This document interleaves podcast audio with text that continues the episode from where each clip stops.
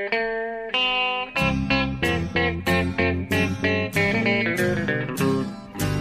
out there, we're on the air. It's hockey night tonight. Tension grows, the whistle blows, and the puck goes down the ice. The goalie jumps and the players bump, and the fans all go insane. Someone roars, Bobby scores at the good old hockey game. Oh, the good old hockey game is the best game you can name.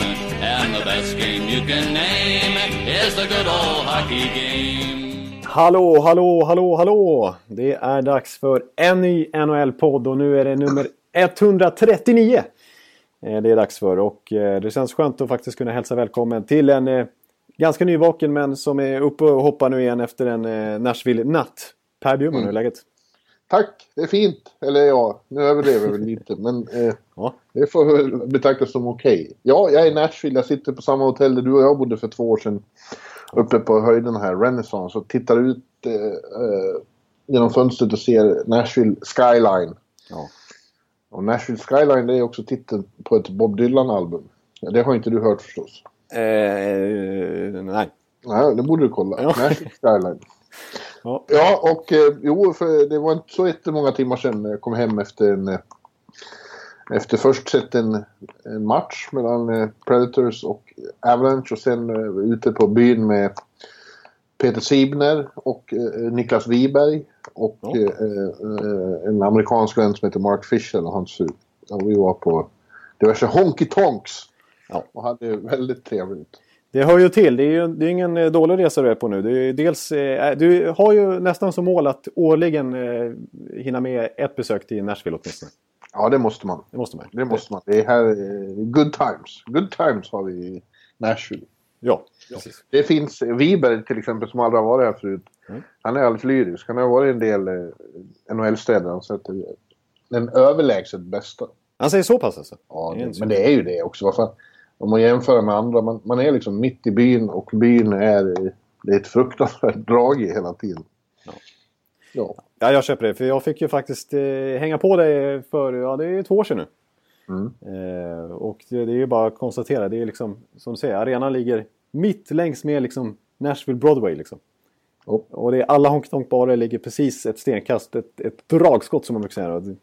Från arenan liksom. Och hotellet Ja. du sitter på nu, det är, du ser ju ner över taket på arenan i princip antar jag. Yes. Så det, det, är liksom, eh, det är ju allt samlat på en minimal yta. Och det är maximal underhållning och så är det hockey dessutom. Så att, Ja, det, var- du, det var ju för mycket för dig. ja. ja, det behöver inte gå in för all, alldeles för noga detaljer alltså hur det gick till. För det, är- det, det är skämmigt så det finns. Ja, Men, eh, och vi, du, du var omtalad igår i omklädningsrummet. Jag sa åt eh, Det sant? Wiberg, och Simon, ställ er inte där nu. Gör inte en Ekelid. nej. Och så berättade jag om när du stod på klubbmärket. Ja, det är, när det, så fort det nämns så får jag traumatiska flashbacks till en skäggig lagkapten vid namn Shea Webber som tittar med ond blick. Ja, de ropade ju. Ja, precis. Ja, exakt. Det var, det var, det var på riktigt alltså. Det, var, det här är inget skämt liksom, utan det här var...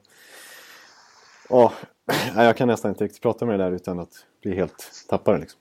Men ja, men ja, jag, jag, kan, jag kan förstå för, för Wiberg från svenska fans då. Och så Peter Sivner har du med dig också från Hockey-Sverige. Och Pro Hockey, inte, Pro Hockey inte minst. Ja, Ja, precis. Han är ju på allting. Ja, du kallar honom i bloggen för the CEO of i princip everything. Ja, inte bara i princip. CEO of everything. Ja. Nej, exakt. Så det, det, är ingen dålig... Jag förstår att du njuter. Och jag måste Jo. erkänna att jag är lite avundsjuk att jag, att jag inte är i Nashville just nu. Det, är där, det känns som att det är där man ska hänga. För det är inga, du nämnde att du hade fått se en match där också. Det är den, den matchen som... Ja, du ska ju se två till som kommer dagarna i, under helgen här. Men den matchen du fick se här i natt när vi spelat in. eh, Det är ju alltså eh, mot Avalanche. Och då var ju Filip Forsberg stekhet igen. Ja, det var ju bra timing att komma hit till den matchen. Han gjorde alltså hattrick eh, för andra matchen i rad. Ja. Och det är inte så vanligt. Det senaste gången det hände var 2010 i januari när eh, gjorde det för Vancouver. Ja, precis. Det, det känns som att det var ett tag sedan han var het också, så då förstår man att... Ja. Ja. Så, eh, så det har gått sju år. Och det är ju alltså, Då är man verkligen glödhet och i slag. Ja. Eh, det sjuka är att förra säsongen, just den här veckan, Ja. så gjorde han också två hattrick med en match emellan då i och för sig. Ja, men alltså, jag tänkte på det. Jag såg Det är något med den här veckan liksom. Det är liksom slutet av februari, precis. För förra året som, som du säger, alltså mot eh, var det St. Louis och Toronto så, ja men med, precis, en match mellan dem, då gjorde han också två liksom hattricks. Det är ju, och så exakt samma grej nu i samma datum i princip. Ett år senare. Det är ju faktiskt sjukt. Ja, det är verkligen sjukt. Vad är det för någonting? Vad är det som eh, eh, gör att han... Eh, just den här veckan liksom? Ja, i slutet av februari. Alltså, jag såg nog också någon statistik på att han... Alltså, jag tror de två senaste åren att han snittar att hans snitt efter All-Star-breaket är klart över en poäng per match i de senaste åren. Så att det är, det är ju... Han är, det är ju, man kan i alla fall eh, komma fram till att han är ju en spelare som tänder till ju senare in på säsongen man kommer. Och det är ju en bra egenskap i alla fall. För att han började ju väldigt trögt den här säsongen. Och har ju Ja, fast det där... Ja, han, målskyttet var trögt. Men eh, Laviolette stod och pratade om det igår. Att Filip spelar väldigt bra även i november. För då fick han inte in pucken. Så. Kanske, en, man kanske inte ska stirra sig blind på det. Men i alla fall, hans, hans poängproduktion har ju... Det verkar ju finnas en tydlig tendens i alla fall. Nästan läskigt tydlig i alla fall. Ja, nu är det ju då så uppjagat här så nu hoppas ju alla att han ska göra hattrick i hattricks eh, på lördag då. Men då är det Washington och det skulle ju vara... Alltså det, det går inte att gå och förvänta sig det. Nej. Eh, det är ju extremt svårt att göra mål i den här ligan och det har hänt, eh, ja vad det nu var. Eh, vi ska se, Jarko hörde av sig om det igår förstås. Ja. Eh, Ja, Det var typ bara Mike Bossy som hade gjort det. eller? ja, precis. Han gjorde det en gång 1980 och... Eh, vad fan? Ska se här. Ett ögonblick. Jag är ledsen. Ja, men det här är viktigt. Jo, eh, just jo, Joseph Malone gjorde det två gånger säsongen Oj. 1917-1918. Men det var ju första säsongen. Det, det är svårslaget. Ja, precis. Och det var, det var 100 år sedan alltså. Så det, Ja, och så gjorde Mike Bossy det 80-81. Wayne Gretzky gjorde hattrick, 10 hattrick 81-82, men inte, inte tre i rad. nej. Ja, det är ju... Det, det, ja, nu, nu grävde du fram riktigt eh, djup statistik. Måste säga. ja. Ja, nej, men det är ju jävligt kul att se. Alltså, han sa ju själv igår, han, bara, han visste inte vad han skulle säga. Så det, är ju, det händer ju bara en gång i karriären. Förmodligen. Så. Ja, det var ju lite tacksamt också att det var, alltså man jämför med Washington i nästa match så är väl Colorado, del, jumbon i NHL är väl tacksammast att kanske lyckas med den här bedriften som man gör. Ja, fast de spelade bra igår. Eller bra och bra, men de kämpade. Det är inte så att de håller på att tanka. Absolut inte. Vilket kanske gör det ännu sorgligare att det går som det går. Eh, Men eh, de, de försökte absolut. Och det var ju... När han fullbordade sitt hattrick så var det ju faktiskt med en puck från i tom kasse. Ja. Det stod 3-2 då och Colorado jagade verkligen i tredje perioden. Ja, precis. Ja, de hade ju kunnat, kunnat, bli kvittering där om de hade haft samma flyt som Forsberg. Liksom. Ja, det, det var ju roligare för dem igår för att i första hattricken mot Calgary i tisdags, då förlorade de. Ja. Och det är alltid segt att, att göra hattrick och förlora. Ja, precis. Men eh, nästa, jag måste ju bara nämna också att nästa eh, år vid den här tiden, februari, då är det OS i Pyeongchang. Då vill, då vill vi gärna att, eh, att NHL-spelarna ska släppas dit så kanske Filip Forsberg kan avgöra OS-finalen och. Osfinal, ja, precis med ett hattrick. Ja, Ja. Innan han, är- han har ju förstås eh, avgjort semifinalen med ett hattrick innan dess också. förlåt, nu tappar jag ur lurarna. Ja, men han det, är, det är lite bökigt här. Jag hörde inte vad du sa. ja, det är ju, det är, jag förstår det. det är, Honky Tonken eh, kan ju ställa till det med balanshindret här. Ja, ja exakt.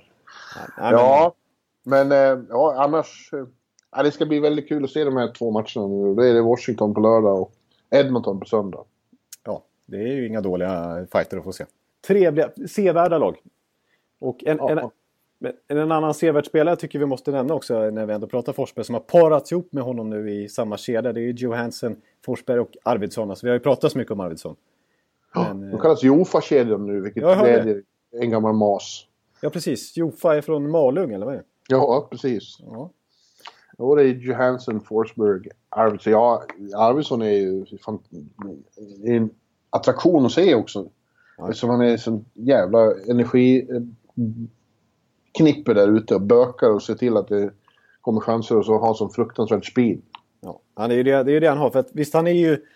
Han är ju rätt skicklig. Han har ju lite underskattade händer kanske. och Han har bra spelsinne och han har bra uppfattning. Men det, hela, grejen med, alltså hela, hela grejen som gör Viktor Arvidsson det är ju hans inställning. Hans sjuka frenesi. För det måste, jag kan inte komma på någon spelare som har samma, Nej. samma kontinuitet i match efter match efter match. Filip beskrev det igår som att eh, det, det finns ytterligt få i ligan som eh, har förmågan att accelerera från stillastående till full fart på det sättet. Mm. Ja, det ser så här effortless ut liksom. Han, ja. han, han, han, behövs ingen sats eller någonting säger. Det är, det är bara att ta fart av sig själv. Av hans ja. aura på något vis. Han är, han är sjuk. Och det är bara, kollar man på hans siffror här så, och bara, det kan ju Filip Forsberg skriva under nu på när, sen, sen den här serien blev till. Men alltså var en Arvidsson spelar så blir hans lagkamrat bättre. Alltså det är ja. bara att kolla på Corsi-siffror liksom med alltså skottförsök med eller utan Arvidsson på isen för respektive spelare. Liksom. Och det, är, det, det, finns bara något undantag, jag tror det är Mike Fisher, som inte har bättre statistik när han är lagkamrat, eller liksom kedjekamrat med Arvidsson. Det är ju en sjuk egenskap. Enkel att spela med tyckte Filip. Man, just på grund av den där speeden och accelerationen så vet man... Det gäller bara hålla i pucken en sekund extra så vet man att förmodligen kommer Arvidsson vara fri någonstans. Ja, exakt. Och, och jag, tror, jag tror också att att, det har, att just det där accelerationen och allt det där görs. För han är så grym på att pressa motståndare. Alltså det handlar inte bara om rent poängproduktionsmässigt och dyka upp och spela in retur eller kunna... Eh, alltså hans passningsspel eller sticka upp och göra mål själv. Alltså just det här pressspelet som gör att Nashville liksom lyckas checka fast motståndaren i egen zon. Mm. Och sen därefter skapa någonting. Det tror jag Arvidsson är liksom...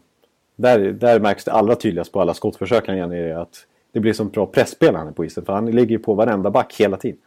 Och liksom ja. får med sig hela sina lagkamrater. Liksom. Så att han är... Ja, 19 mål på han också. 22 på Forsberg och 19 på Arvidsson. Det är, det är bra Ja, det är 19 mål på Arvidsson. Det hade man ju verkligen inte trott. Nej. Nej, för så, du, du snackade ju med honom här och han sa ju själv att han, hans mål var att ta en plats i NHL den här säsongen. Ja. Han har gjort 19 mål, spelar första kedjan. Har mer eller mindre konkurrerat ut eh, James Neal eh, liksom som eh, i hierarkin bland ytterforwards efter Forsberg. Liksom. Ja, det är, det är otroligt. Och Filip nu då är bara två poäng bakom Rickard Rakell i, i, i svenska målligan. Ja. Fortsätter så här så kommer han ju vinna den igen. Ja, ja, ja han gjorde förra året. Men det, det, var ju också, för det var ju väldigt humor. Inför matchen igår på morgonvärmningen, ja. Eh, när jag dök upp då första gången i omklädningsrummet. Jaha, sa Filip, kommer du här och, och ska ta död på min målproduktion? Just det. För att eh, ja, det har ju varit så genom att jag har ju varit någon slags jinx och cooler från dem. När jag sitter på läktaren då gör han inga mål. Ja, det kommer en fälla och Dalmas och bara förstör. Och det, det, det sjuka är att efter matchen igår, han missade några lägen i första perioden. Då så påstod han att han tänkte på det. Är det sant? ja, nu är ja, det är... jävla Bjurman här. Det är ändå stort måste jag säga. Det, det, det är ju en komplimang alltså. Vilken inverkan ja, alltså. Ja, han sitter, åker på isen och tänker bara att nu sitter den där jäveln där. Ja. Men, Men tack och lov så bröts ju den jinxen. Den, den tokbröts ju, ja precis. Nu, är, nu måste du gå på varenda match känns det som. Nu är det tvärtom. Du vänder den totalt. Mm. Ja, nej, men jag är i alla fall inte... Jag, jag tar inte död på hans uh, produktion längre. Det är bra. Ja, det är klart. Det måste ju kännas skönt. Om man eh, själv tänker på det dessutom, då, då är det klart att då är det ju inga, det är, inget, det är inte bara snack utan det är på riktigt. Då. Men, ja, uppenbarligen en morot. Jag känner mig för jävligt. Det var en väldigt lättnad att det inte är på det sättet. Nej, just det. Du har ju... Ja, det förstår jag. Nej, men... Eh, ja, Nashville. De är, spelar upp sig får man säga efter, efter nyår och det känns som att de inte har inte glidit ifrån så att de har säkrat någon slutspelsplats på något sätt. Men de är ju, ligger bra till i racet ändå. Ja, de, eh, Nashville och Calgary har skaffat sig lite marginal ner till ja. lagen under strecket som ju är Los Angeles och Winnipeg. Där i väst. Ja. Eh, för Calgary går ju också bra. Ja, det fick jag erfara, erfara natten bara när de slog mitt Tampa Bay och förstörde våran poängsvit. Det var ju tråkigt. Ja, det var en... Eh, det hade varit en... Hade Tampa vunnit där, det hade nästan varit rädda säsongen. Då hade de varit... Nej. Nej, men det hade sett... Det, då hade det, varit en... kontakt liksom. Ja, exakt. Men nu är det tungt igen. Ja, nu är det liksom... Nej, usch. Nu är sex poäng upp igen. Ja, jag vill nästan... Nej, nej. Det där släpper vi. Jag har inte råd att förlora några matcher. Nej, det är det som är problemet när man kommer så här. Man ser ju att det är inte så långt upp. Men samtidigt så har man inte råd på något sätt att gå på några miner längre. Utan det är bara segrar som gäller. Ja. Eh, och det gäller för till exempel Winnipeg där också. För deras fel. De är också sneglar där i, mot Nashville och så här. Men de, de har ju å andra sidan väldigt många fler matcher spelade. Så att som ja, du säger, det är, både Nashville och Calgary har gjort ett litet hopp där. Och LA, ja, de känns väl... Nu kanske Quick är tillbaka snart och, och De har tagit några segrar på slutet, men annars så tycker jag att de känns rätt svaga här inför slutspurter också. Så att Nashville kommer nog till slut att greja det trots en seg start för hela laget. Det var inte bara Forsberg som hade tufft med poängproduktionen i början utan det var ju egentligen och hela Nashville och Subban och, och gänget. Ja, ja, intressant med Subban. Han var ju faktiskt... Eh, han har haft akklimatiseringssvårigheter här, precis som vi förutspådde. Han är en personlighet som inte riktigt... Eh, det funkar inte direkt i en sån här liten... Betydligt mindre stad, mindre marknad, ett lag som är en tight grupp.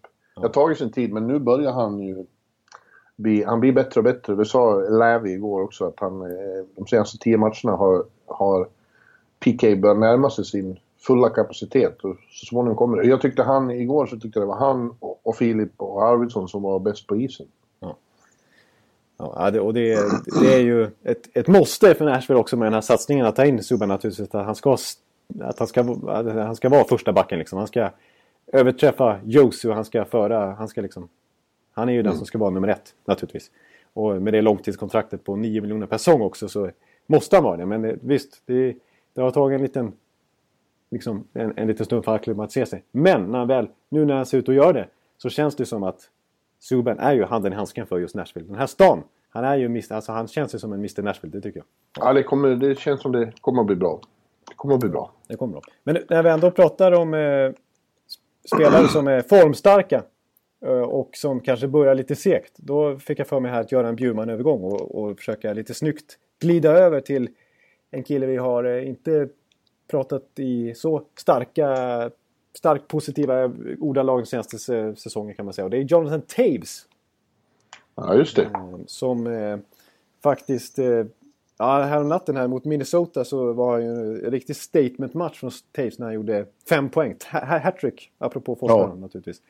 Eh, och faktum är att eh, hans statistik börjar bli, se riktigt trevlig ut nu. De senaste 12 matcherna har han gjort flest poäng i NHL, 20 pinnar. Ja. Och, eh, grejen är att han, han, det är inte så att han spelar med Panarin och Kane, att det är det som har gjort att, att han har lyft sig. Utan han spelar med Richard Panik och Nick Schmaltz. Mm. Eh, det gör det ju inte desto mindre imponerande liksom, att han har vaknat till liv här. Och det är väl... Ja, det är, det är väl ändå lite överraskande får man säga att Taves plötsligt har börjat producera på den här takten. För att liksom, så som det har pratats om Taves senaste tiden så har det ju varit att han inte ens är en topp 10-center i ligan nästan spelmässigt. Offensivt sett. Nej. Nej. Nej, det kanske han inte är heller. Jag, Wiber är en av hans stora uh, belackare. Ja. Så jag tog upp det här med Wiber. Jag har inga kommentarer, vill inte prata om det. Nej, det, det, det, nej, det är klart. Trivs på slutet. Uh, men uh, ja, han är ju och har nästan aldrig varit heller en grundserieattraktion. Nej. Och inte heller har han ju i varje slutspel varit producerad särskilt mycket. Men grejen är så här att det är oftast är i de enskild, enskilda matcherna som är allra störst och viktigast. Det är då han är som, som mest eh, betydelsefull och gör de, står för de största insatserna. Och Minnesota här var ju en seriefinal i väst. Ja. Eh, och de håller på att utveckla riktigt intressant rivalitet där. Ja, det ska jag, inte underskattas. Nej. Så jag tycker att eh, det är det som, ja nu som du säger, han har varit bra ett längre tag nu. Men att det var just den matchen tror jag inte är någon tillfällighet. Utan det, det är den sortens ögonblick. Han är en sån stora ögonblickens man. Ja. Ja, det, det håller jag med om. För, för visst, det är lätt att slänga sig med ett sånt uttryck att han ofta levererar. Men det finns ju så otroligt många exempel. Alltså, jag minns ju inte, jag har ju ofta varit inne på hans 2015 slutspel där mot när han var med och sänkte Tampa i finalen men framförallt tog de dit via eh, sjuka insatser mot Anaheim i semifinalen som var direkt avgörande när de höll på att halka ur slutspelet. Ja, framförallt är det ju en match som stod ut i den serien mot Anaheim och det var ju Game 6 i Anaheim. De ligger under med 3-2. Ja. Då var det ju ett sånt tillfälle när han tog hela laget på ryggen.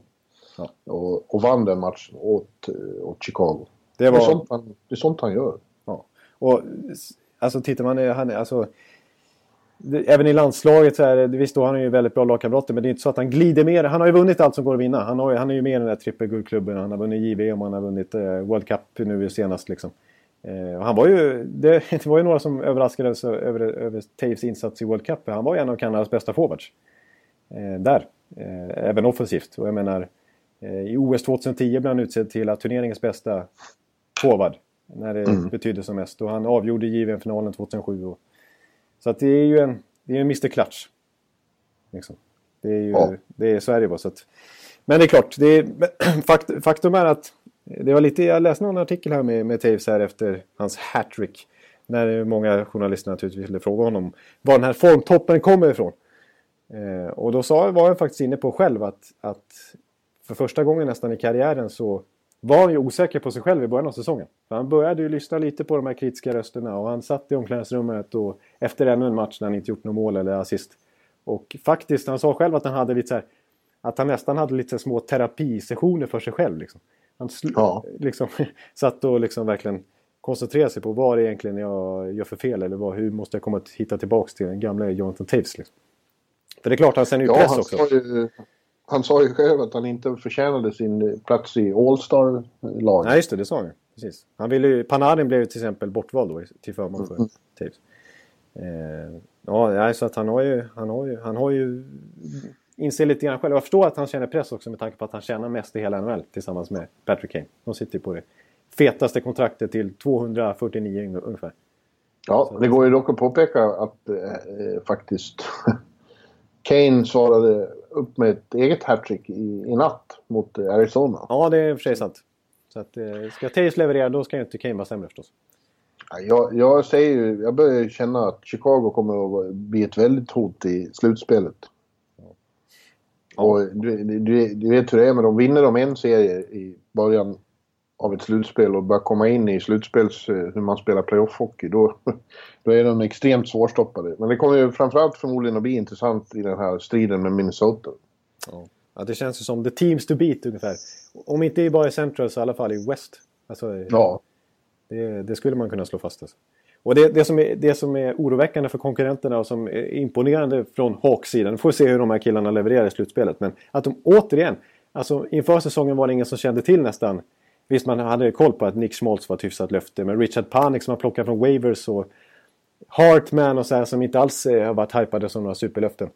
Att Nej, återigen är det de här äh, billiga breddvärvningarna de tvingas göra för att de blir av med sin tidigare bredd. Liksom, som går in och bara är ungefär lika bra. Och det är det som är ja. så imponerande med, med Hawks. ja, det är det verkligen. Det är inget annat lag som har den förmågan. Det är, så är det bara. Och därför tycker jag att Joel Quenneville borde vara aktuell för eh, Jack Adams, äntligen. Det är han som får de här att fungera ihop. Ja, dels är det bra general manager-arbete, men det är ju väldigt bra arbete av honom också. Ja, för det är precis. De måste, det de, alltså, visst, det är ändå coachen som måste förvalta det han får, materialet han får. Och det är ju inte speciellt bra alla gånger, på pappret i alla fall. Och så blir Nej, det ändå så bra på isen. Liksom. Och du vet när de kommer långt i slutspelet, då är det som de säger, då är det inte stjärnorna som avgör. De tar ut varandra, utan det är tredje och fjärde kedjan. Deras fjärde kedja är bra också med Ryan Hartman och, och Vince... Ja, Hinos... Hinostrosa. Mm. Hinostrosa, ja. Mm. Och Tanner Kero. Ja, du ser. Det är ju så här liksom. Vilka var det undrar man i somras? Ja. ja. ja det, jag, jag blir inte förvånad om eh, Chicago. Chicago-Pittsburgh-final. Ja, du brukar släpp, äh, läcka ur dig något eh, tips här varje vecka nästan. Ja, ett, ett nytt finalpar varje vecka. Nå, någon ja. gång kommer jag väl träffa rätt. Ja, du kommer ju sätta det. Det kan du skryta med om eh, tre månader. Jaha. Du satte ju den här i podd nummer 139 här i februari. När du var i Nashville. Och hade lite feeling efter en fin natt. Ja. Normally, being a little extra might be a bit much, but not when it comes to healthcare. That's why United Healthcare's Health Protector Guard fixed indemnity insurance plans, underwritten by Golden Rule Insurance Company, supplement your primary plan so you manage out of pocket costs. Learn more at uh1.com. Men eh, jag tänkte vi kan gå in på några andra lag här som eh, vi hoppar tillbaks till öst. Eh, mm. så, så, tänkte jag, jag tänkte att, att vi ska snacka lite grann om, ja, vi kan börja snacka lite om, om Florida Panthers. Som ju faktiskt, eh, alltså vi, ja, vi hade ju någon slutspelsspecial här för några veckor sedan när vi skulle tippa vilka lag som går dit. Och då var det ingen av oss som tippade på Florida. Nej, då hade de ju inte imponerat så mycket. Men de hade ju den här resan i västerled som var extremt imponerande.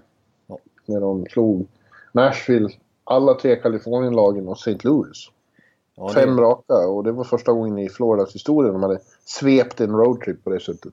Ja, precis. Och det var inte, det var inte nord eh, västtrippen mot eh, Vancouver och Calgary, Edmonton och Winnipeg och eh, sådär. Utan det var ju verkligen mot topplag mm. allihopa.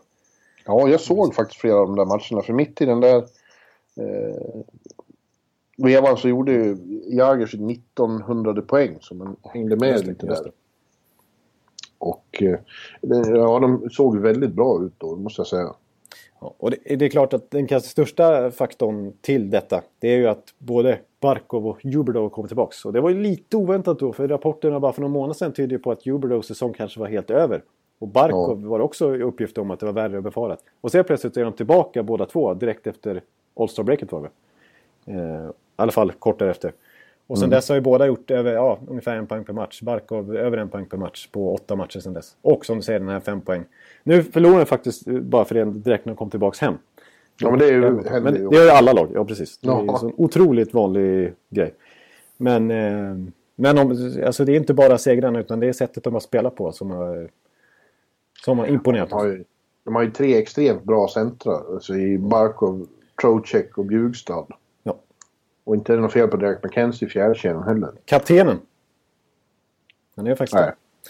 Nej, så att, ja, jag håller med. Och det, alltså, det här är ju Tom Rose lag och, och det här uh, Fancy Stats-grejen uh, som ligger bakom. Och kollar man på spelarmaterialet de har så är det ju, det är ju väldigt modernt alltså. Om man kollar på vilka spelartyper de har. Alltså, lite små, små ettriga forwards som Trocek och uh, Marchessault till exempel.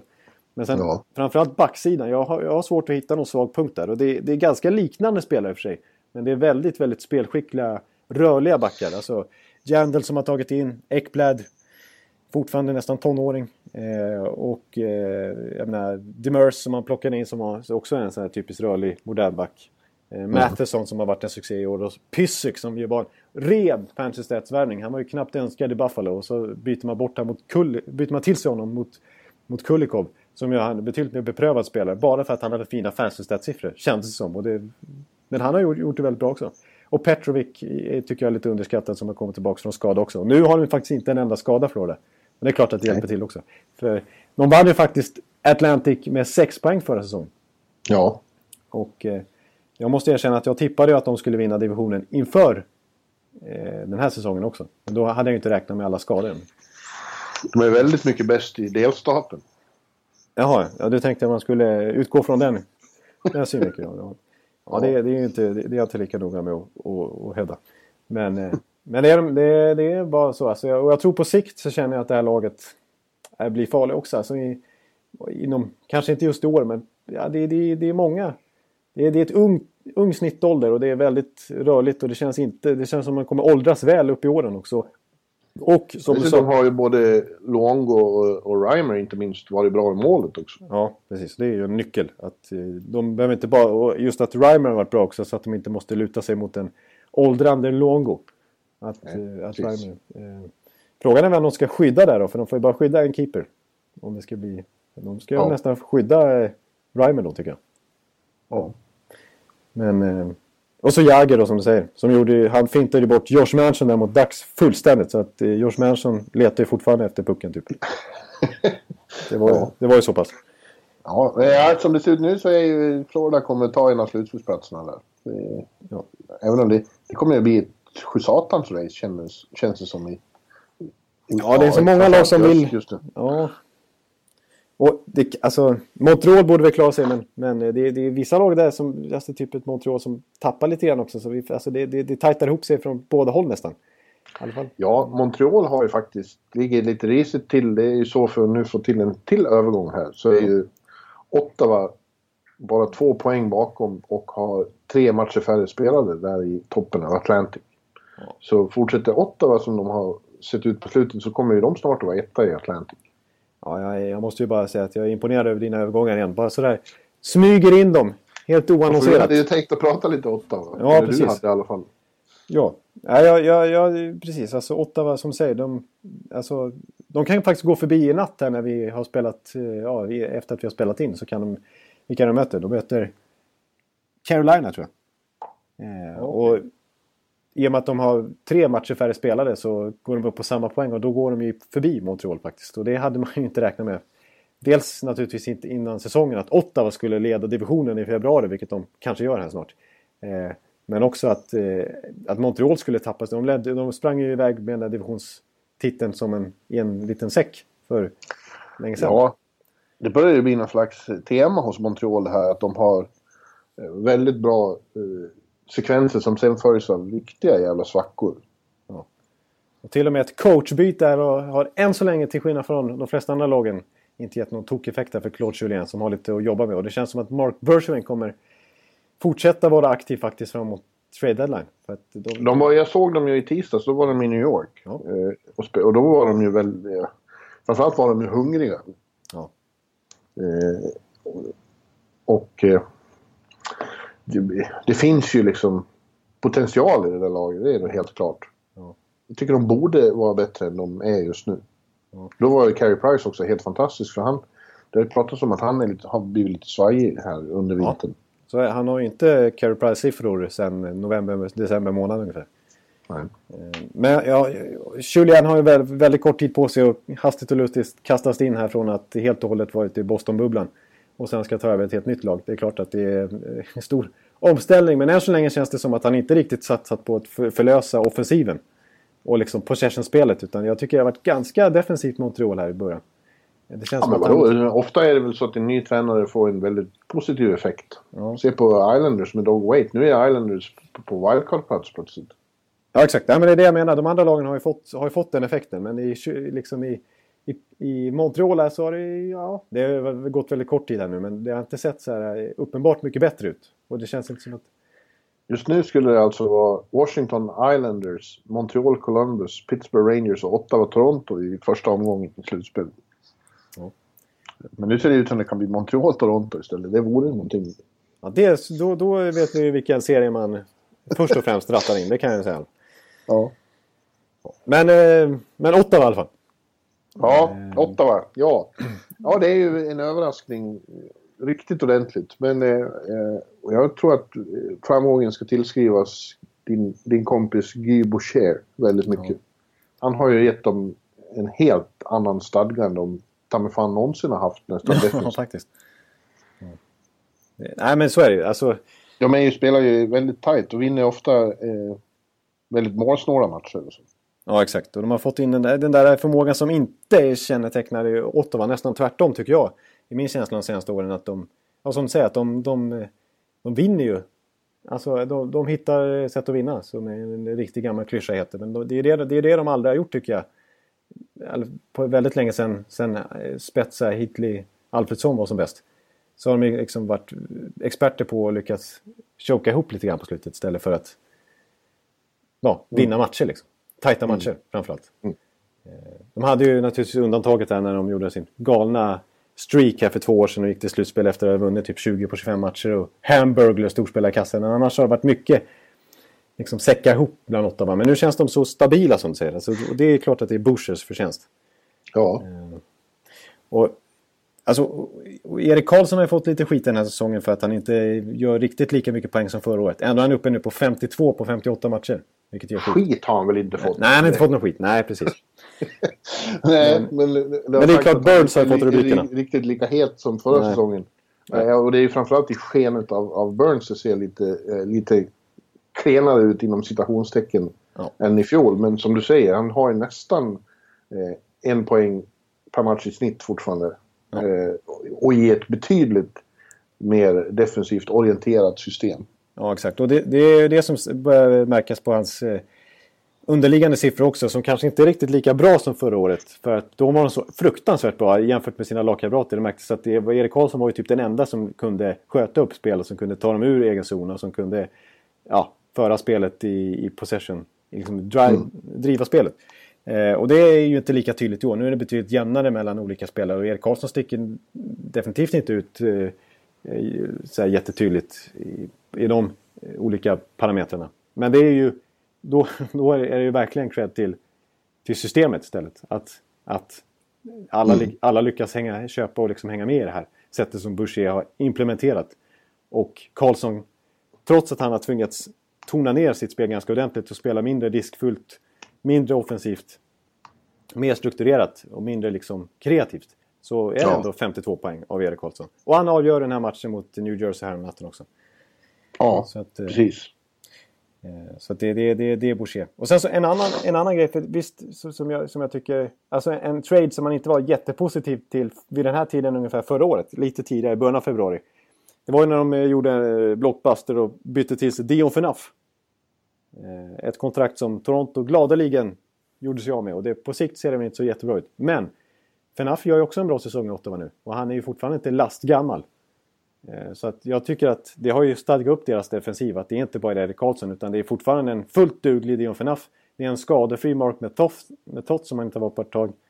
Och ja, överhuvudtaget så har de börjat liksom... Det, det är nästan alltid samma sex som spelar nu. Med Chris Wideman som har kommit upp också från AHL, en bra offensiv back.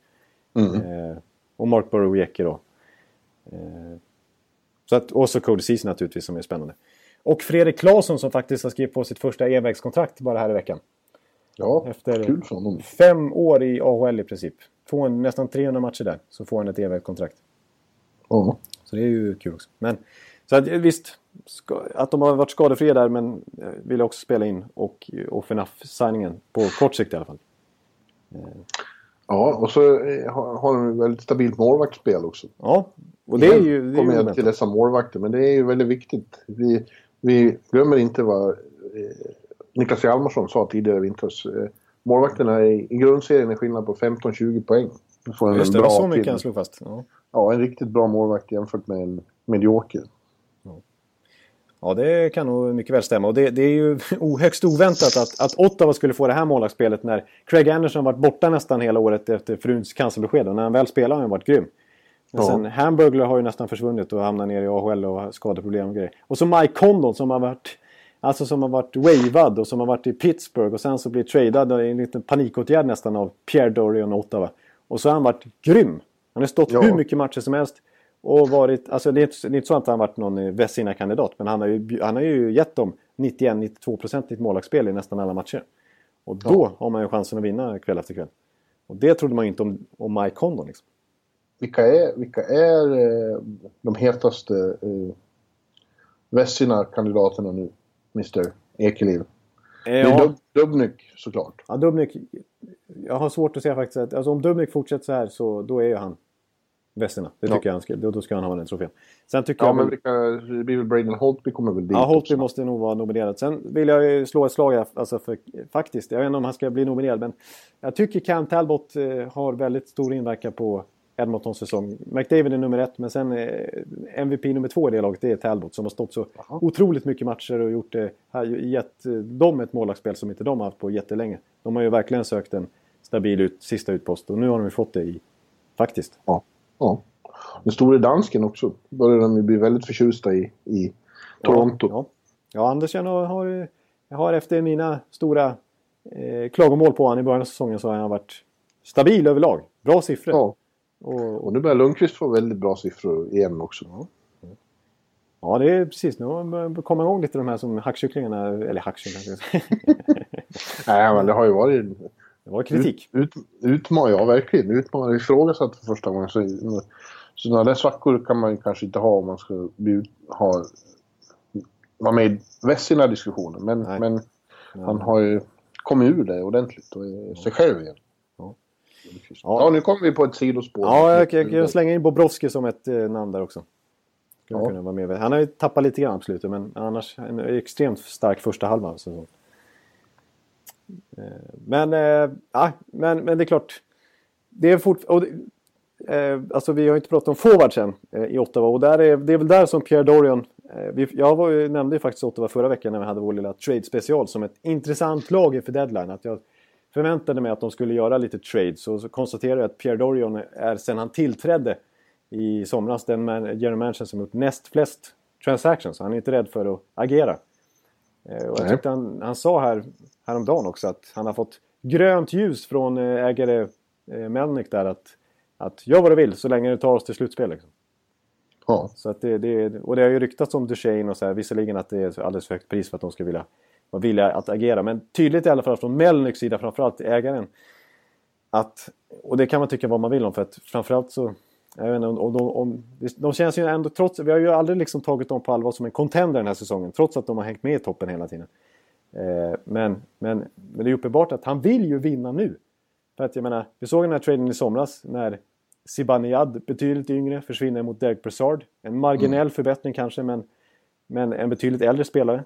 Eh, för att man, då, då satsar man lite kortsiktigt om man tar in honom känns det som. Vi såg ju den här FNAF-traden som inte är bra på sikt, men på kort sikt så har de ju lyft Ottawa.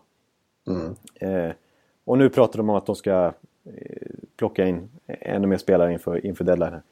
Så det känns ju som att de, de vill ju vinna nu. Det här är inget framtidsbygge. Trots att de har Thomas Chabot, väldigt spännande back på gång och, och, och Colin White, eh, center, också mycket spännande. Som, som skulle så att de blir ännu mer spännande på sikt. Men de, de tänker nej, vi ska vinna nu. Jävlar vad du pratar. Ja. ja, det är, jag slår... det... vad säger man? Jag kullerbytta av min egen... Eh, på mig själv här. Ja. Ja. det är väl bra. Prata på du. Ja, jag bara kör. Nej, men vad, vad, tycker du att, eh, om så här, tycker du att eh, Ottawa på något sätt är värda att ta på allvar ens, alltså i ett, i ett slutspel i år? Eller är det, vad ser du att de har för chanser liksom? Ja, det borde de väl egentligen vara, men, men man är ju dum och känner fortfarande att eh, de som får Ottawa i slutspel, de är det bra för. Ja. Det känns som en betydligt eh, mer hanterbar motståndare i ett slutspel än, än Pittsburgh, Washington och så vidare. Ja. Eh, och hade de, varit i, hade de tillhört Metropolitan så hade de kanske inte haft så här mycket poäng. Heller, att... Nej, och även om de hade haft så här mycket poäng så hade de varit långt efter toppen. Ja, ja det stämmer. Så man har det är klart. Det, det, det, öst har ju tagit över lite från väst och blivit den bästa och inte minst Metropolitan naturligtvis. Men har ju blivit ja. den bästa konferensen. Eh, Där har ju Washington 87, Pittsburgh 82, Rangers 80, Columbus 79 och Ottawa har 70. Ja, precis. Och då är alltså ett Columbus ett wildcard-lag. Ja. Så det, det är helt bisarrt. Men eh, jag, jag känner mig lite som du där. Till, till, och, de ska, nu snackar de om att de ska bredda, om inte spetsa så i alla fall bredda forwardsidan och Pierre Dorian kommer höra sig för till Vanek och till eh, Ives och till eh, alla de här tillgängliga forwardsen som finns. Hansa Verbata och lite sådana namn som nämns. Men... Tänk, tänk vad nära vi är nu. Alltså, det är fredag idag och på tisdag så är det, går, går deadline. Ja, onsdag. Onsdag till och med. Ja, du ser. Ja, vad sitter jag på? ja. Nej, på onsdag är det. Eh, då måste ja. vi, nu när det är ännu sämre så måste vi göra lite reklam. Att det ska ju vara en trade deadline-sändning på Sportbladet. Eh, ja. Precis som, ja, vi har gjort det några år nu eh, faktiskt. Och precis som förra året så kommer Linus Hugosson från, eh, från eh, ja, tidigare Pro Hockey-redaktör och som ju har en annan podd, NHL-teamen. Kommer ju då att eh, vara med i studion. Just det. och jag tror vi kommer ha en hel del gäster på Skype. Inte minst Per Bjurman kommer ju vara med som mest. Du kommer ju naturligtvis ringas upp. Antar jag. Ja, det hoppas jag. Får hoppas jag svarar då. Ja, precis. Eh, och jag vet, vet, att förra året så var det ju det var Rickard Grönborg och det var Douglas Murray bland annat och det var Peter Mueller. Mm. Alla möjliga spelare. Så att vi får se hur, hur, hur det blir nu. Men det är på onsdag. Deadline klockan nio svensk tid på kvällen. Men du, vi har redan haft ett par trader för nu få till en till övergång. Eh, ja, snyggt. Här i... ja, det är fem plus. De senaste dagarna, några stycken. Eh, och vi hade Stone som gick från Arizona till Calgary och så var det ju då eh, Ron Hainsey som eh, gamle Carolina general manager Rutherford tog från Carolina till Pittsburgh. Och vad har ja. Ekeliv att säga om dessa små moves? Ja, alltså min, min spontana tanke när jag såg dem utan att riktigt utvärdera dem eh, noga var väl att ganska saftiga priser ändå för marginella förstärkningar. Alltså, båda, Stone har ju ingen bra säsong i Arizona, har haft svårt att komma tillbaka efter en ganska svår knäskada. Men de får ändå ett tredje och ett femte val för honom. Eh, mm. Men samtidigt så förstår man ju det, det alltså, om vi tar, jag förstår ju Rutherfords move också för Hainsey för att dels har han ju plockat honom till Carolina en gång i tiden själv. Och dels så har de ju groteskt ställt på backsidan nu eh, breddmässigt när Mäter måste opereras, eller har opererats och blir borta länge. Likaså Trevor Daly opererats och blir borta minst en månad. Och så mm. Chris Letang som är lite in och ut faktiskt day to day här och sen Justin Schultz som har haft hjärnskakning.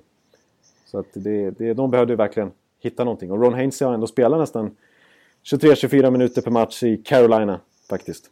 Och eh, höger, nej, högerfattad är han faktiskt inte, men, men han är ju eh, en veteran med nästan 900 NHL-matcher på kontot. Så att, Ja, utan att ha spelat slutspel va?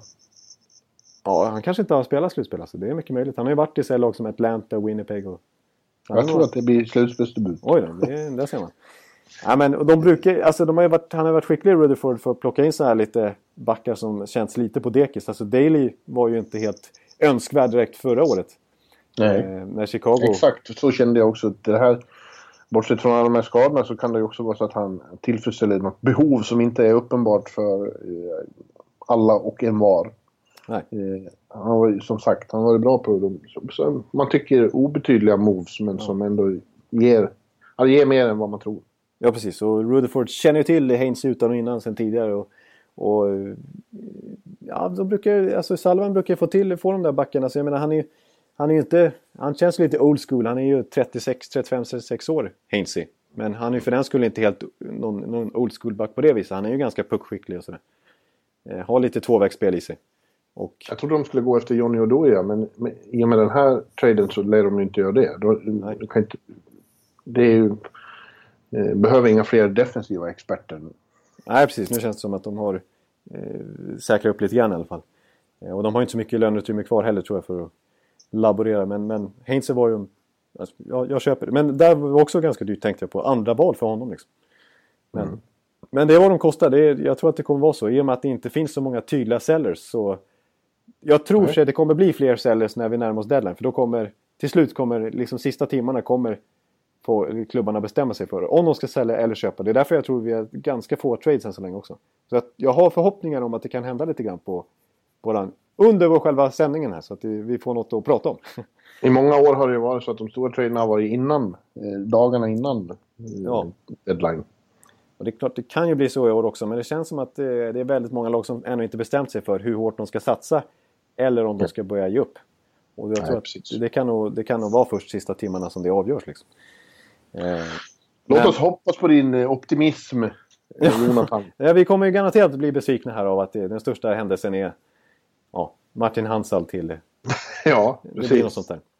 Ja. Men eh, får ni sitta där, du och Ros och, och, och, Linus och försöka jabba upp det. ja, precis. det kommer ju, vi kommer ju vara övertända och tycka att det är hur stort som helst. Men, ja, så här på förhand kan vi konstatera att det, vi ska inte ha allt för höga förväntningar. Men jag tror ändå som sagt att jag tror det kommer, det kommer inte vara helt eh, stiltje utan det kommer vara några moves. Och jag tror många av de här rentalsen kommer skeppas iväg. Så det, det, det, det utgår jag ifrån.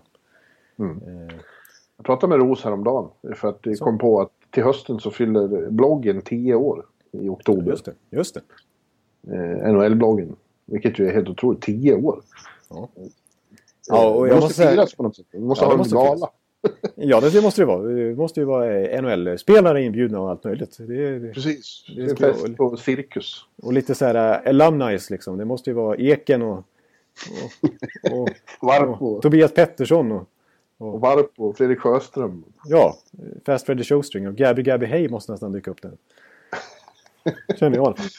Ja, och eh, Andreas Lilja och sådana. Ja, det blir det. bra. Ja, Zetterberg.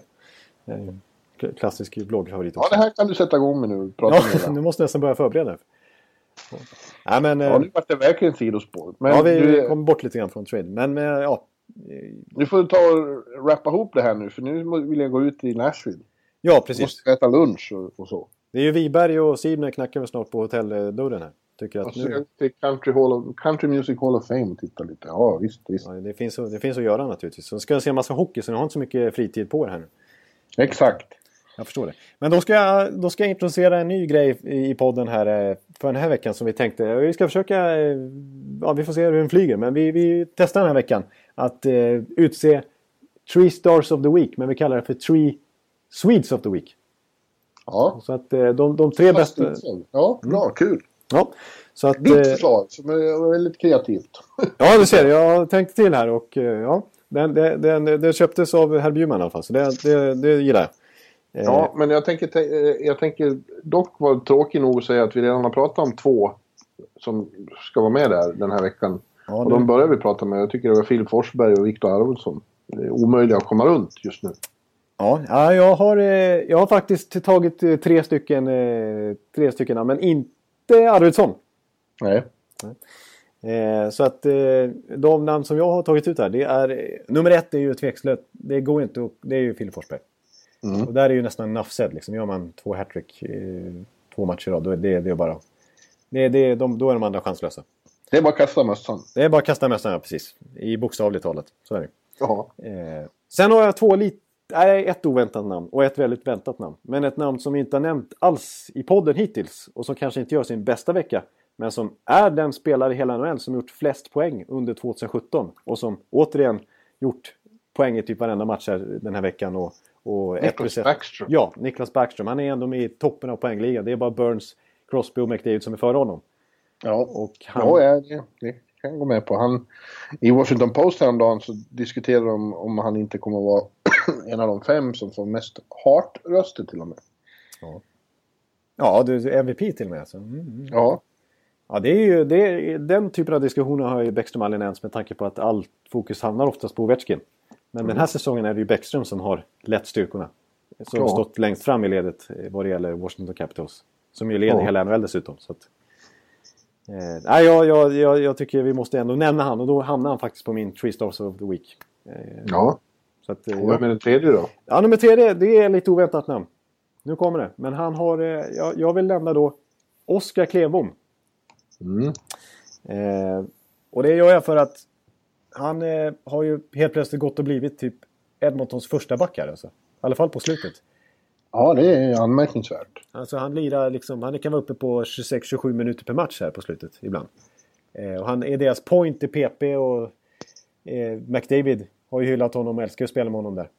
Och Mm. eh, eh, han, gjorde ju, han gjorde ju mål här mot Florida Panthers. Han gjorde ett mål som, väldigt, som dömdes bort faktiskt mot Tampa Bay. Eh, väldigt lite så här oturligt för en minimal offside som Klevbom sen dundrar in ett patenterat backskott på. Och hade han gjort mål där, då hade han varit ensam trea i backarnas skytteliga faktiskt nästa säsong. Men nu lägger han delad trea på 11 baljer. Och det är ändå rätt anmärkningsvärt får man säga. Ja, Eh, I hela NHL alltså. Så att, eh, det är väldigt intressant också för att eh, det, det visar återigen vad, vad, vilken slags katalysator en sån som McDavid är. För det, jag träffade Klevbom i höstas i, i Brooklyn. Ja. Då pratade om det, hur oerhört utvecklande det var att spela, bara träna med en sån som eh, McDavid. ja. Man blir bättre så. Man blir bättre för varje träning. Och det, det verkar ju stämma.